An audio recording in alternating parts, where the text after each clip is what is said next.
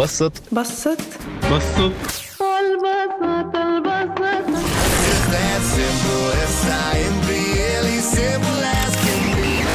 تجد. تجد. تجد. بسط تجد. وهي سلسلة مستوحاة من كتاب لدونالد سول تحت اسم Simple Rules أو قوانين بسيطة.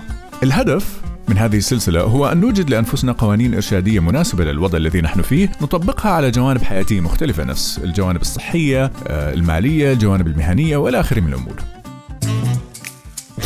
في الجزء الأول من هذه السلسلة من أو الجانب الصحي تكلمنا عن آه، جزئية الحمية الغذائية وبالتحديد الصيام المتقطع. واللي ما بده يتبع حمية غذائية واللي كثير فيها من التفاصيل شو ناكل ما ناكل شو نشرب ما نشرب آه، انت كيتو انت ميتو انت ما بعرف شو علينا بالصيام المتقطع. ليش؟ لأنه سهل جدا.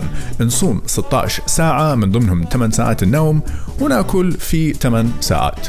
وإحنا هيك خالصين. الآن رح نتكلم عن القوة البدنية في هذا الجانب الصحي من هذه السلسلة. ومن بعد خبرة لا بأس فيها في عالم التدريب البدني والمشاركة في بعض السباقات وغيره من الأمور سألت نفسي إحنا الناس العاديين اللي ما لنا أي طموح احترافية من ممارسة الرياضة شو بدنا من الصحة البدنية؟ أنا جاوبكم بدنا جسم قوي ومتناسق. حد يختلف؟ ما أتوقع لما بحثت عن أفضل التمارين لتقوية الجسم وتحسين شكله غربلتهم للخمسة الأساسيين. الأول هو ال bench press أو تمرين الصدر. الثاني هو ال push press وهو تمرين الأكتاف. الثالث هو تمرين ال deadlift أو رفع الأثقال من الأرض. الرابع هو ال rowing أو سحب الأوزان. والأخير هو نوعين من ال squat أو وضعية الحمام العربي وأنتم كرامة. في عندنا نوع ال front squat وال back squat أو ال squat الأمامي وال squat الخلفي.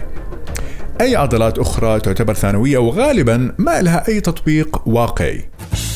أما بالنسبة للناس اللي مو حابين يستخدموا أوزان في تمارين أخرى خاصة بوزن الجسم فقط. يعني بس نستخدم وزن جسمنا.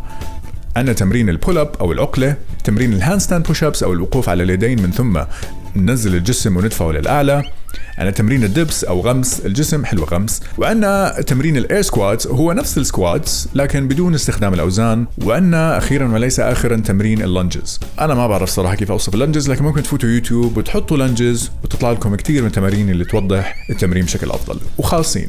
التمارين العشرة هذه هي كل ما نحتاجه لبناء جسم قوي وكشخة بنفس الوقت. خليكم هادين وحبوبين. سلام.